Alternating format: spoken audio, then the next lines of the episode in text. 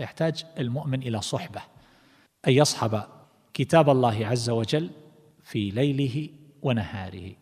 اجعل له من أوقات النهار وأوقات الليل ونحن ندعو بهذا كثيرا.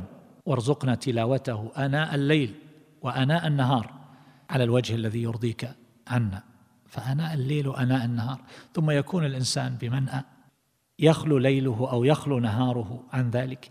إذا كنت اعتدت السهر ولا تستطيع القيام في آخر الليل كما ابتلي به أكثرنا فيمكن أن يكون للإنسان ورد قبل نومه ويكون له ورد في أول النهار.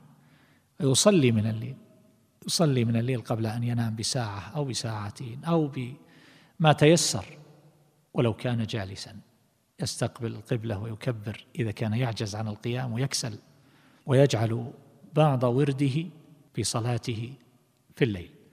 قد يحتاج إلى شيء من المجاهدة في البداية ولكنه بعد ذلك يتيسر عليه ويكون ذلك أطيب أوقاته ويكون على هذا الموعد أحرص.